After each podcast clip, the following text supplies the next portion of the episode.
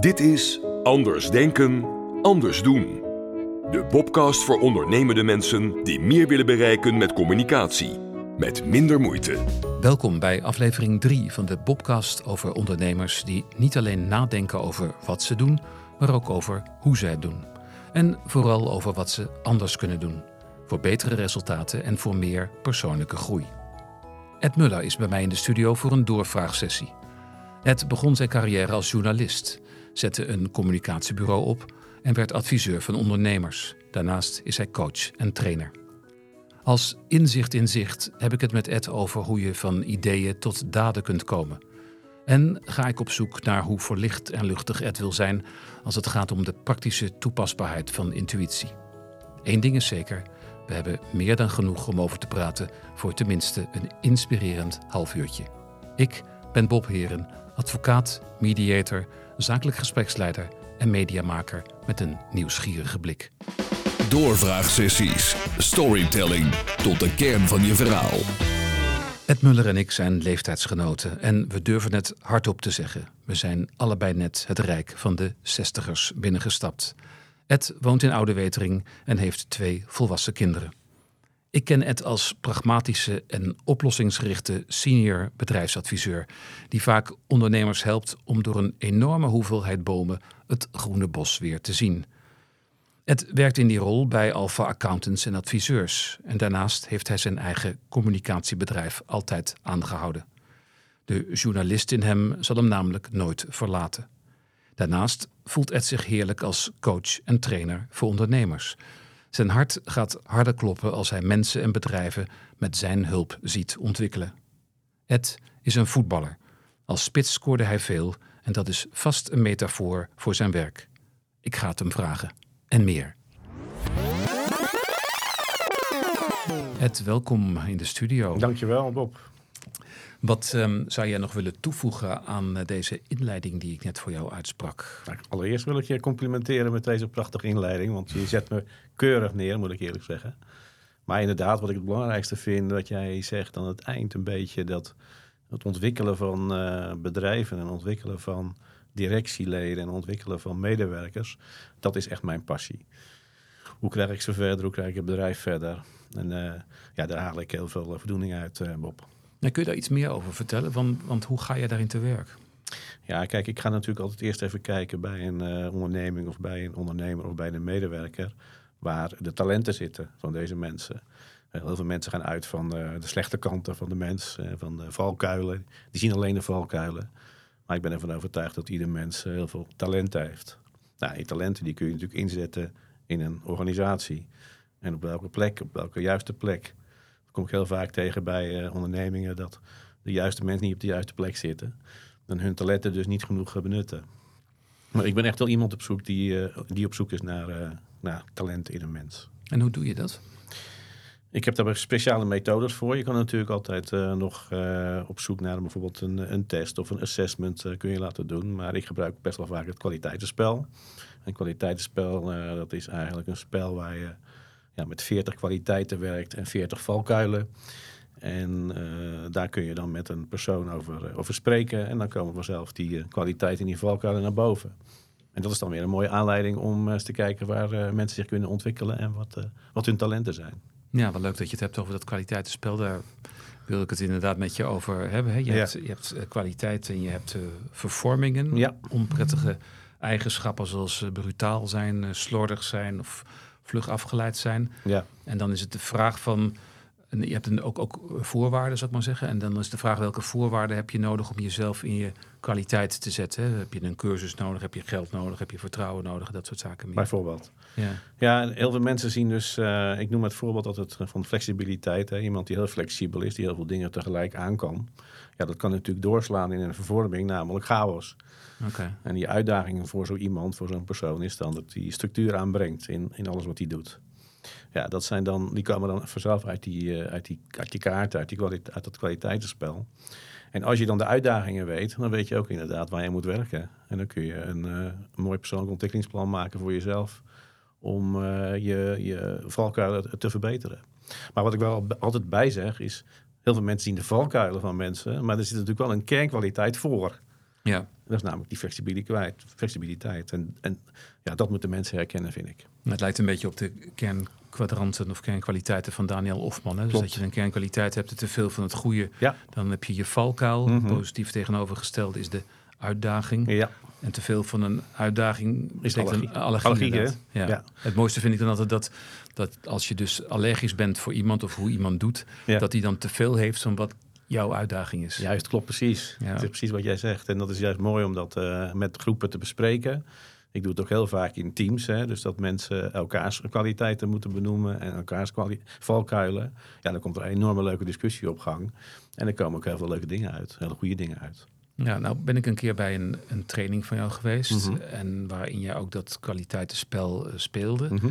En het viel me toen op dat daar een enorme eh, veiligheid heerste. Mhm. hoe, hoe, hoe slaag jij erin, zeg maar, om die veiligheid te creëren? Nou, de eerste wat je natuurlijk doet is, eh, als je een training aan het geven bent, dan is een veilige, veilige situatie creëren. Dat heeft een beetje met humor te maken, hè, dat je er toch wel een beetje een lach inbrengt. Dat mensen op een gegeven moment niet eh, een, een zenuwen voor zo'n training, dat ze die kwijtraken. Eh, heel veel persoonlijke gesprekken. eh, wat, eh, wat vind je nou belangrijk in je leven? Eh, eh, dat soort zaken. wa- Waardoor mensen elkaar beter leren kennen. En dan kun je op dat moment een veilige situatie creëren. En dan pas kun je dat kwaliteitenspel spelen. Want als je daarmee begint, ja, dan, dan zijn mensen heel erg van eh, wat gaan we nu doen? Ja, je moet eerst inderdaad een veilige situatie creëren. Dan houden ze de kaarten voor de borst. Ja, dan houden ze de kaarten voor de borst. En als je op een gegeven moment zo ver bent in een groep dat dat lukt, dan is het ook heel mooi om te spelen.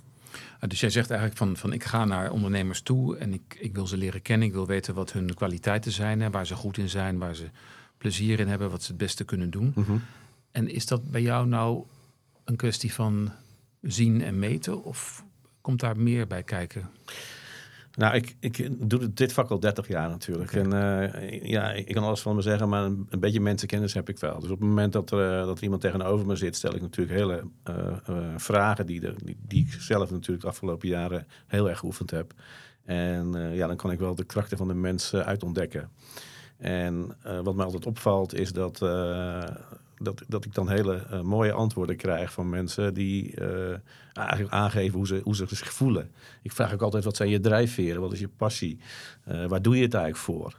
Ja, dan, met dat soort vragen kom je wel bij iemands, iemands hoofd en iemands, zeker iemands hart terecht. Ja, ja mooi is dat. Ja, ik ken jou al een hele lange tijd. En ik, wat ik in jou bewonder is dat jij inderdaad vanuit een soort chaos orde kunt scheppen. Hè. Je begint ook altijd om te vragen van... ja, zijn de arbeidscontracten in orde en algemene voorwaarden en, dat soort dingen meer. Maar mijn idee is, en dat wil ik graag even bij je toetsen, is dat je niet alleen je hoofd, maar ook je hart en je onderbuik gebruikt om die ondernemer te helpen. Herken je dat? Misschien wel het belangrijkste, hè? want natuurlijk kun je structuur aanbrengen in een organisatie. En dat ben ik ook heel vaak aan het doen, want heel veel organisaties zijn niet goed, niet goed gestructureerd. Maar het gevoel van de mensen en eh, eh, hoe ze erin staan, hoe ze in, in het werk staan, hoe ze in hun leven staan, dat is eigenlijk nog veel, vele malen belangrijker om successen te behalen. En successen behaal je door, eh, ja, door daar eh, goed over te praten, goed over na te denken. Zit ik op de goede weg? Wie ben ik eigenlijk? Waar ben ik goed in? Dat zijn allemaal hele belangrijke vragen. En misschien nog wel belangrijker dan die structuur. Ja, en hoe ga je dan om met ehm, verdriet en rouw en teleurstelling? Want ik kan me voorstellen dat als je met iemand praat, dat je dan tot de conclusie komt van je kunt, hebt dit altijd al gedaan, maar je kunt dat beter niet meer doen. Dan moeten mensen dingen loslaten en dat is toch een soort afscheid nemen. Ja, het is heel lastig. Heel veel mensen eh, hebben daar natuurlijk moeite mee. Maar juist door eh, iemand eh, heel erg persoonlijk mee te spreken en het hart te laten spreken, kom je wel tot zaken als van wat kan ik er dan aan doen om de dingen die ik nu niet goed doe te vermijden en, en, en zaken af te leren. Maar gedrag afleren is gewoon heel erg moeilijk. Gedrag aanleren is nog makkelijker dan gedrag afleren. Ja. Maar ik kan ze het wel inzicht geven en ik kan ze wel tips geven over hoe ze dat, eh, hoe ze dat moeten doen. En geef je dan ook delen, delen van jezelf eh, bloot? Je bent, je bent altijd zelf eh, de kwetsbaarheid zelf. Ja. Anders kun je dat niet voor elkaar krijgen. Je moet als, als trainer, coach en ik denk ook als leidinggevende je kwetsbaarheid tonen. Ik ken leidinggevenden die zeggen van dat, dat is onzin. Ik wil gewoon de baas spelen en verder moet iedereen naar me luisteren. Maar ik denk dat dat niet de goede weg is. Nee. Nee, dat denk ik inderdaad ook, ja. ja. Hey, en, en wat is jouw, um, want we hebben het over ondernemers, maar wat is dan jouw doelgroep? Is elke onderneming een, een potentiële klant? Elke ondernemer is een potentiële klant. Uh, ik doe uh, begeleide ondernemingen tussen de 10 en, de, en 150 medewerkers. En daar dan allerlei personen. Dus uh, eigenlijk in alle branches. Dus dat maakt niet zoveel verschil. En nou zei ik in mijn inleiding dat jij um, journalist in hart en nieren bent en dat je ook je eigen communicatiebedrijf hebt. Nou, nou gaan mensen waarschijnlijk vragen van uh, waar heeft hij dan voor geleerd, zou ik maar zeggen. Dus hoe, hoe, ben je eigenlijk in dit vak terechtgekomen? Nou, het is uh, vrij, uh, vrij simpel. Ik heb mijn HAVO afgemaakt. Ja. Vervolgens ben ik in de praktijk gaan werken. Dus ik ben echt een praktijkmens. Ik heb wel een studie hoger management gedaan, maar dat was dan meer in de avonduren. Maar over het algemeen ben ik eigenlijk een, een iemand die uit de praktijk alles heeft geleerd. En dat waarderen de ondernemers ook waar ik kom. Dat ik zelf ondernemer ben, vinden ze belangrijk. Maar dat ook, ook dat ik gewoon de taal van de ondernemer spreek. En natuurlijk uh, kun je allerlei theorieën bedenken. Maar uh, het gaat er uiteindelijk om wat het, uh, wat, de, wat het resultaat is. Ja, ja zeker. Want daar, daar stuur jij met name ook op, denk ja. ik. Hè? Ja. Ik ben een doelenmens, zeggen ze dan. Ja. Ja. ja, zo ken ik je inderdaad ook, ja. ja. ja. En um, dan kom je bij zo'n zo'n ondernemer en... Um, nou ja, ga je wat, wat lijnen uh, trekken, zou ik maar zeggen. Hè? Ga je wat, wat uh, uh, onkruid weghalen, zou ik maar zeggen. Een beetje tuintje, een beetje wieden. En dan kan ik me voorstellen dat die ondernemer dat ook wel lekker vindt. Hè? Van, van nou, het zorgt overal voor. Ja, dat gebeurt natuurlijk regelmatig. Um, toch ben ik er altijd wel voorstander van. Uiteindelijk moet ik mezelf overbodig maken.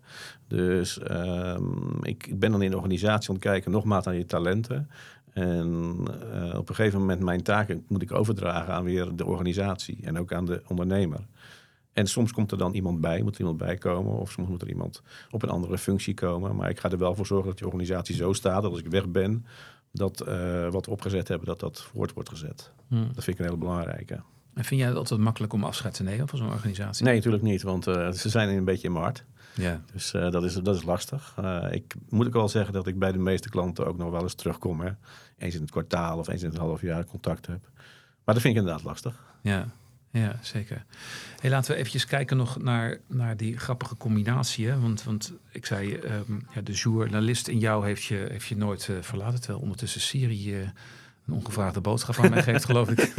het wordt je journalist. Ja, precies. We worden waarschijnlijk afgeluisterd. Ja. Um, maar de, de journalist in jou, ja. wat, wat, kun je daar iets over vertellen? Nou, wat ik natuurlijk gewoon heel erg belangrijk vind, is uh, ook in mijn uh, huidige werk, is dat ik heel veel uitvraag. Dus heel veel dingen weet van degene waar ik tegenover zit. En als journalist doe je natuurlijk niet anders, als je het goed doet tenminste. Stel je eerst heel veel vragen en dan ben je geïnteresseerd in mensen. En dan, uh, dan voel je mee met mensen. En dat vond ik het leukste aan het vak journalist. Daarnaast vind ik het heel erg leuk om op een redactie te werken bijvoorbeeld. Dat geeft toch een bepaalde sfeer. Dus uh, die jaren dat ik dat dan ben geweest, heeft me wel geholpen in de rest van mijn carrière. Want ja, daar heb ik wel geleerd om heel veel goede vragen te stellen. En ben je daarin begonnen of zo? Of, of hoe, uh... Nou, ik ben begonnen bij uh, de Rabobank. Twee jaar aan de balie gezeten. Okay. Ook een soort journalist, want er kwamen allerlei klanten voorbij. Maar daarna ben ik inderdaad voor een vakblad gaan werken. En toen heb ik heel veel jaren heb ik, ondernemers geïnterviewd. En daarna ben ik dan een advieskantoor begonnen en een communicatiebedrijf daarnaast. En dat heb je nog steeds? Ja, ik heb nog steeds die. die, die, die ik ben nog steeds ondernemer. Mm -hmm. Ik vind het heel leuk om ondernemer te blijven. Dat is in mijn communicatiebedrijf. En ik ben bij Alpha Accountants en adviseurs ben ik organisatieadviseur.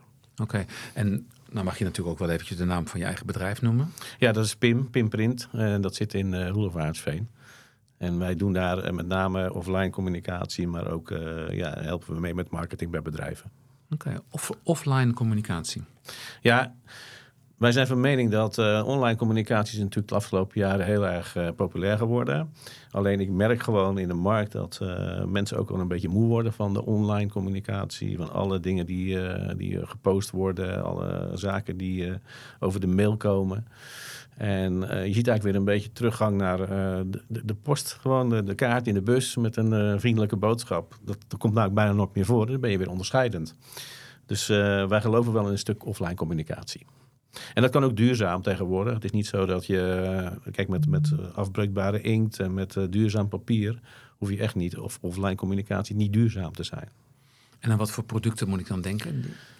Dat gaat van eh, flyers tot, tot eh, banners, tot eh, reclame, buiten, binnen, beurzen die we inrichten. Dus alles wat met communicatie offline te maken heeft, dat doen we wel. Ja.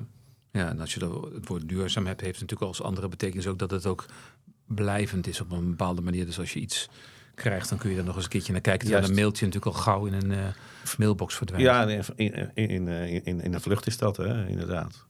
Nou, we maken bijvoorbeeld ook eh, wel een heel mooi product, eh, kartonnen poppen. Hè. Dat zijn eh, levensgrote pop- poppen van karton, over duurzaam gesproken. En we worden heel vaak benaderd door bijvoorbeeld mensen die hun ouders 50 jaar getrouwd zijn. En dan hebben ze nog een hele oude foto van vroeger, van de eerste van de bruiloft. En die wordt dan op zo'n feest neergezet, zo'n kartonnen pop. Oh, Wauw. Prachtig.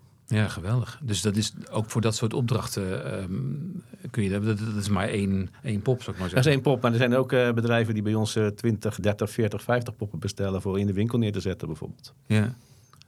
Oké, en eventjes nog terug, omdat jij net zei van, van ik ben zelf ondernemer. Hè, en de, de ondernemers die ik adviseer als organisatieadviseur of bedrijfadviseur, die vinden het fijn dat ik hun taal eh, spreek. Nou kom ik vaak ondernemers tegen die eh, een bepaald kunstje doen, die dat ook wel lekker vinden, in een bepaalde comfortzone zitten. En, maar die ergens ook wel weten dat ze een andere kant op zouden moeten, ehm, maar dat dan niet doen. Misschien nog wel een keertje een, ehm, een plan maken, maar uiteindelijk tegen een soort ja, innerlijke hobbel oplopen. Hoe ga jij daarmee om? Ja, ik ben natuurlijk best wel vaak de stok achter de deur. Eh, bij bedrijven en bij ondernemers. eh, omdat zij dat ook eh, prettig vinden dat er iemand is die de stok achter de deur is. Maar uiteindelijk moeten ze het zelf doen en zelf de keuzes maken. En ik heb best ondernemers gesproken die ondernemer waren en vervolgens het bedrijf verkochten en kunstenaar zijn geworden bijvoorbeeld. Hè. Ik vind dat je als mens in je leven op sommige momenten echt goed na moet denken van... ben ik nu wel met de goede zaken bezig? Wat wil ik eigenlijk in mijn leven? En eh daar kunnen ook hele heftige keuzes door ontstaan.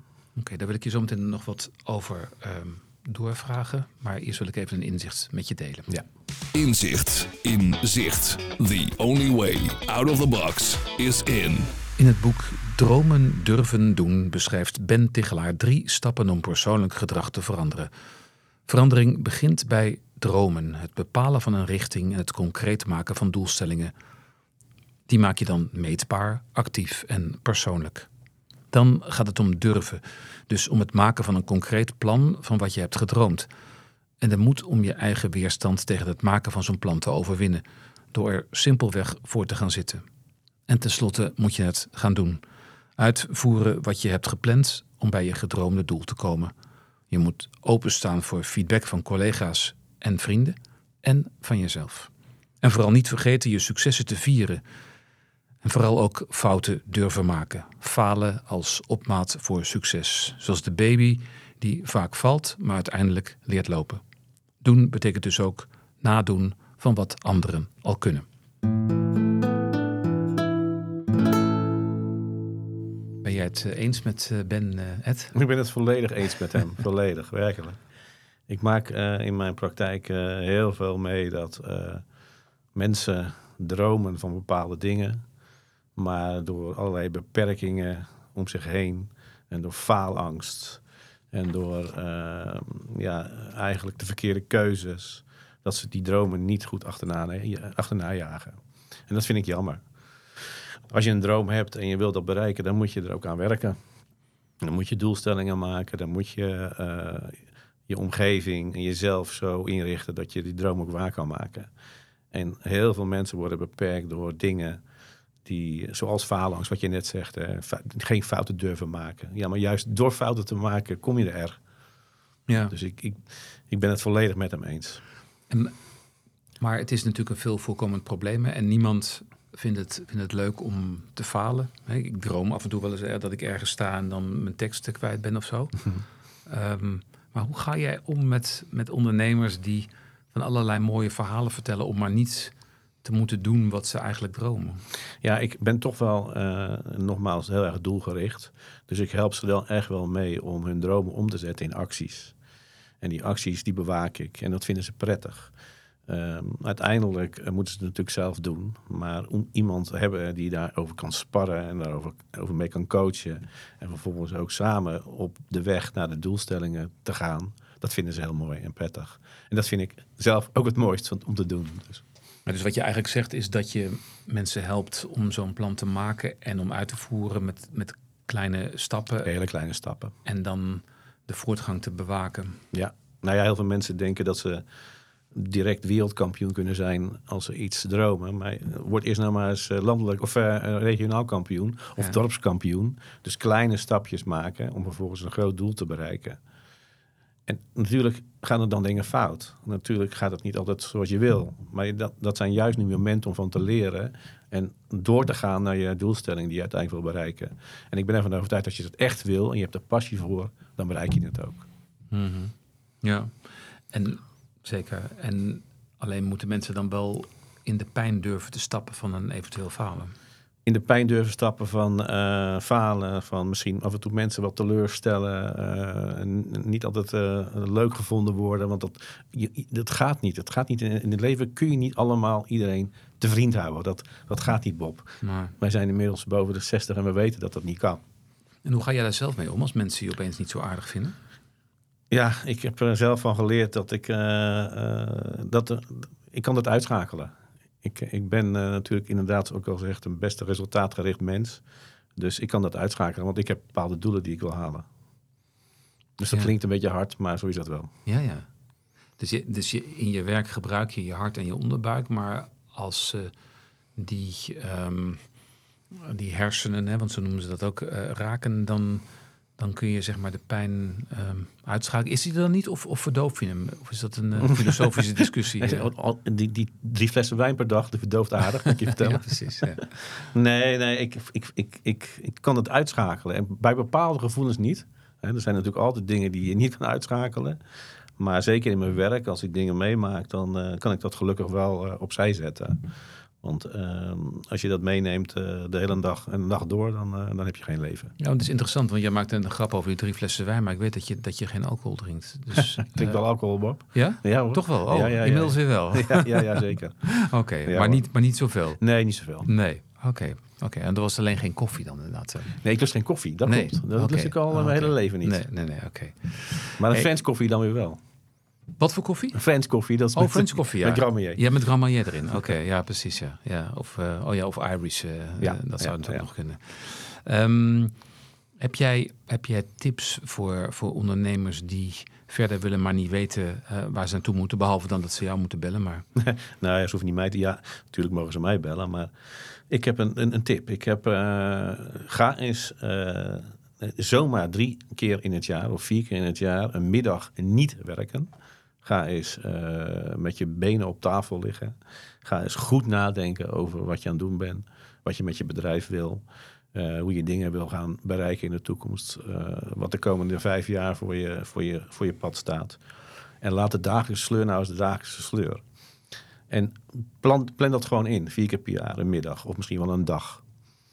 En, en wellicht met een externe is dat makkelijker, want die kan vragen stellen aan je. Maar je kan het ook zelf voor jezelf op papier zetten van wat ben ik, waar ben ik eigenlijk nu mee bezig en wil ik dit wel? En die vier keer en dan vervolgens ook daar iets mee doen. Dus eh, niet alleen maar opschrijven, maar vervolgens ook daar iets mee doen. Want ik gun iedereen eh, het, het mooiste leven wat ze kunnen bereiken. En dat doe je door ook af en toe na te denken over het leven zelf. Ja, dus eigenlijk zeg je van, van zoek de stilte op in ieder geval. ehm, zoek een situatie op waarin je niet wordt afgeleid door de dagelijkse dingen. En laat de antwoorden dan eh, tot je komen. Ja. Nou ja, ik, ik merk natuurlijk heel veel bij MKB-ondernemers waar ik kom... dat ze de hele dag aan het jagen zijn om de klanten tevreden te stellen... of in ieder geval eh, geen tijd hebben om, eh, om daarover na te denken. Terwijl ik dat juist niet goed vind. Ik, ik vind het juist goed om te blijven na te denken... om aan jezelf en aan je bedrijf te werken... in plaats van alleen maar in je bedrijf. Ja, ja. nou ja, daar, je weet dat, dat ik het daar van harte mee eens ben. Eh, het is natuurlijk ook een, eh, een gezamenlijke gekoesterde droom van ons om ooit nog een keer samen met ondernemers iets te gaan, gaan doen. Ja. En ik denk, ik geloof er inderdaad ook in dat je, dat je ondernemers kunt helpen hun ehm, gedachten te ontdekken. Want dat, hè, en, en hun, vaak weten mensen wel wat ze willen, Ja. maar is het te druk in hun hoofd. Ja. En, ja, jij noemt het voorbeeld al. Je, vra- je stelt gewoon de vragen en dan krijg je de antwoorden. Zeker. Ja, en dat is toch de journalist in mij, Ja, nogmaals. Eh, de goede vragen stellen op het goede moment. Maar ik, ik nogmaals, eh, je kan het ook voor jezelf doen of met een ander of met je partner. Dat maakt mij niet uit, maar doe het. Ja. En dan, en dan is het eigenlijk ook, het doet me ook een beetje denken aan de, de morning papers van Julia Cameron. Hè? Die, die zegt dan van je zou eigenlijk iedere ochtend 10 minuten moeten schrijven, maakt niet uit wat. Al schrijf je gewoon van ik ben nu aan het schrijven omdat iemand mij heeft gezegd dat ik 10 minuten moet schrijven elke Ja. ochtend en ik weet eigenlijk niet wat ik zou moeten schrijven. Nee. En, en dat je dat dan daarna weglegt, maar dat het een soort creatieve ader eh, opent. Ja, dat zou natuurlijk eh, heel mooi zijn. Want dan kun je natuurlijk dan, als je dat een aantal keren gedaan hebt, teruglezen. En dan kom je toch weer bij bepaalde gedachten die je hebt terug. Want hoe doe jij dat als jij schrijft? Hè? Want dat vind ik zo ook wel interessant om te weten. Omdat ik af en toe wel eens een kolompje maak of zo. Maar, maar ehm, als, jij, als jij een verhaal schrijft, ehm, hoe, hoe, ontstaat dat verhaal dan? Ehm, nou, dat, dat, verhaal ontstaat gewoon in mijn hoofd. Dus dat is. eh, op het moment dat ik. Ik heb al, ik heb ik wil vijf keer eh, een, mooie roman schrijven, bijvoorbeeld. Of een hele mooie thriller. Heb ik allemaal in mijn hoofd zitten. Ik heb het wel eens ergens opgeschreven. Wat ik allemaal wil. Maar dat, ja, die creativiteit zit gewoon in mij. Maar ja, ik hoop de tijd ervoor krijgen. En ik, het is een van mijn doelstellingen voor de komende vijf jaar. Oké, dus misschien moet ik jou daarmee helpen om Ja, dat wat je droomt te gaan durven en te gaan doen. Gewoon de, de thriller van eh, De thriller. Moord in Oude Wetering of iets dergelijks. ja. Ja. ja, hartstikke mooi. Hey, Ed, we lopen al ongeveer tegen de, tijd aan. We hebben nog even een paar minuten. Ehm, eh, wie geeft jou raad? Dat is een goede voor jou. Ik kom natuurlijk wel regelmatig bij jou, Bob. dus dat vind ik natuurlijk altijd heel prettig. Want eh, je bent een heel prettig mens om mee te praten. Dus dat is ook al een soort van, eh, van adviseur. En verder, eh, ik, spreek, ik spreek met mijn klant ook over mezelf. Hè? Dus ik stel me best wel kwetsbaar op. En nou, ik, kan, ik kan mijn klanten bellen, maar die weten ook precies hoe ik, hoe ik in het leven sta. Of waar ik, waar ik mee bezig ben. Dus daar haal ik ook mijn adviezen gewoon, adviezen gewoon uit. Een soort witte- wisselwerking eigenlijk. Ja, ja. ja ik, ik denk dat het ook zo is dat, dat, dat merk ik ook in dit gesprek, dat we zijn met elkaar aan het praten. In dit geval interview ik jou, maar eigenlijk hoor ik via jou ook weer dingen terug over mezelf. Ja. En, en dat zal bij jou en je klanten ook zo gaan. Zeker. Ik vind het juist heel belangrijk om eh, met mijn klanten ook over eh, dit soort dingen te praten. En, en eh, dat wordt ook gewaardeerd. Ja. Hey, en eh, als jij inspiratie nodig hebt, eh, wat, wat doe je dan? Ehm, ja, ik, ik, ik hou heel erg van eh, wielrennen. En wielrennen niet alleen om zelf te doen, maar ook om eh, wielrennen te kijken. Dus Mhm. ja, ja, ik, ik kan me bijna alles vragen over het, eh, over het wegwielrennen en het, en het baanwielrennen. het Mathieu van der Poel of zo? eh, Ja, Mathieu van der Poel geeft je natuurlijk levensvreugde. Dat, Ja. Laten we daar eerlijk over zijn. ja. Ik bedoel, dat vind ik echt een held. Dus daar haal ik mijn inspiratie uit. Dat dat soort mensen die zulke dingen kunnen bereiken, dat vind ik prachtig. En ik ben wel voetballer, zoals je zei, maar het grote verschil tussen voetbal en wielrennen is, bij, als je bij voetbal voor staat en je gaat vallen, dan mag je drie minuten blijven rollen. En als je bij fietsen wil winnen, dan moet je meteen opstaan. ja. En, en wat maakt Mathieu van der Poel een held voor jou? Hij heeft talent. En dat talent gebruikt hij optimaal, werkelijk. Hij zal nooit een, ro- een grote ronde winnen, want dat, dat kan hij denk ik niet. Maar net zoals je ziet hoe bij het wereldkampioenschap eh, fietsen, eh, pas geleden, hoe hij dan zijn talent benut. Ja, dat is fantastisch om te zien. Ja. Terwijl het jaar daarvoor nog in Australië uit een eh, hotel was eh, gehaald. hè? Ja, maar dat is ook dat is weer een valkuil van hem. Dat is een doorgeslagen kernkwaliteit, want hij wilde zo graag fanatiek wereldkampioen worden, dat hij in de nacht eh, twee meisjes natuurlijk, ja, voor mij zelfs geslagen heeft om uit de gang te krijgen. Maar dat, dat tekent het fanatisme. ja. En dat is een doorgeslagen kernkwaliteit. Ja, dat is wel een mooie herformulering wat je zegt eigenlijk. Dus dat, dat is denk ik ook een, een tip aan ondernemers. Dat als ze zichzelf eh, terugvinden in iets wat ze... Nou ja, in, in eh, hoe noemt het eh, gedrag ook alweer bij Gerkens? Hè? Dat is het, eh, de, de vervorming, zal ik maar zeggen. Dan moet je kijken van hè, wat is eigenlijk de kwaliteit die Ja. eronder zit. Ben ik helemaal mee eens. Ja. Kernkwaliteit zit er altijd voor. Ja, hartstikke mooi. Ja. Dankjewel Ed. Graag gedaan, Bob.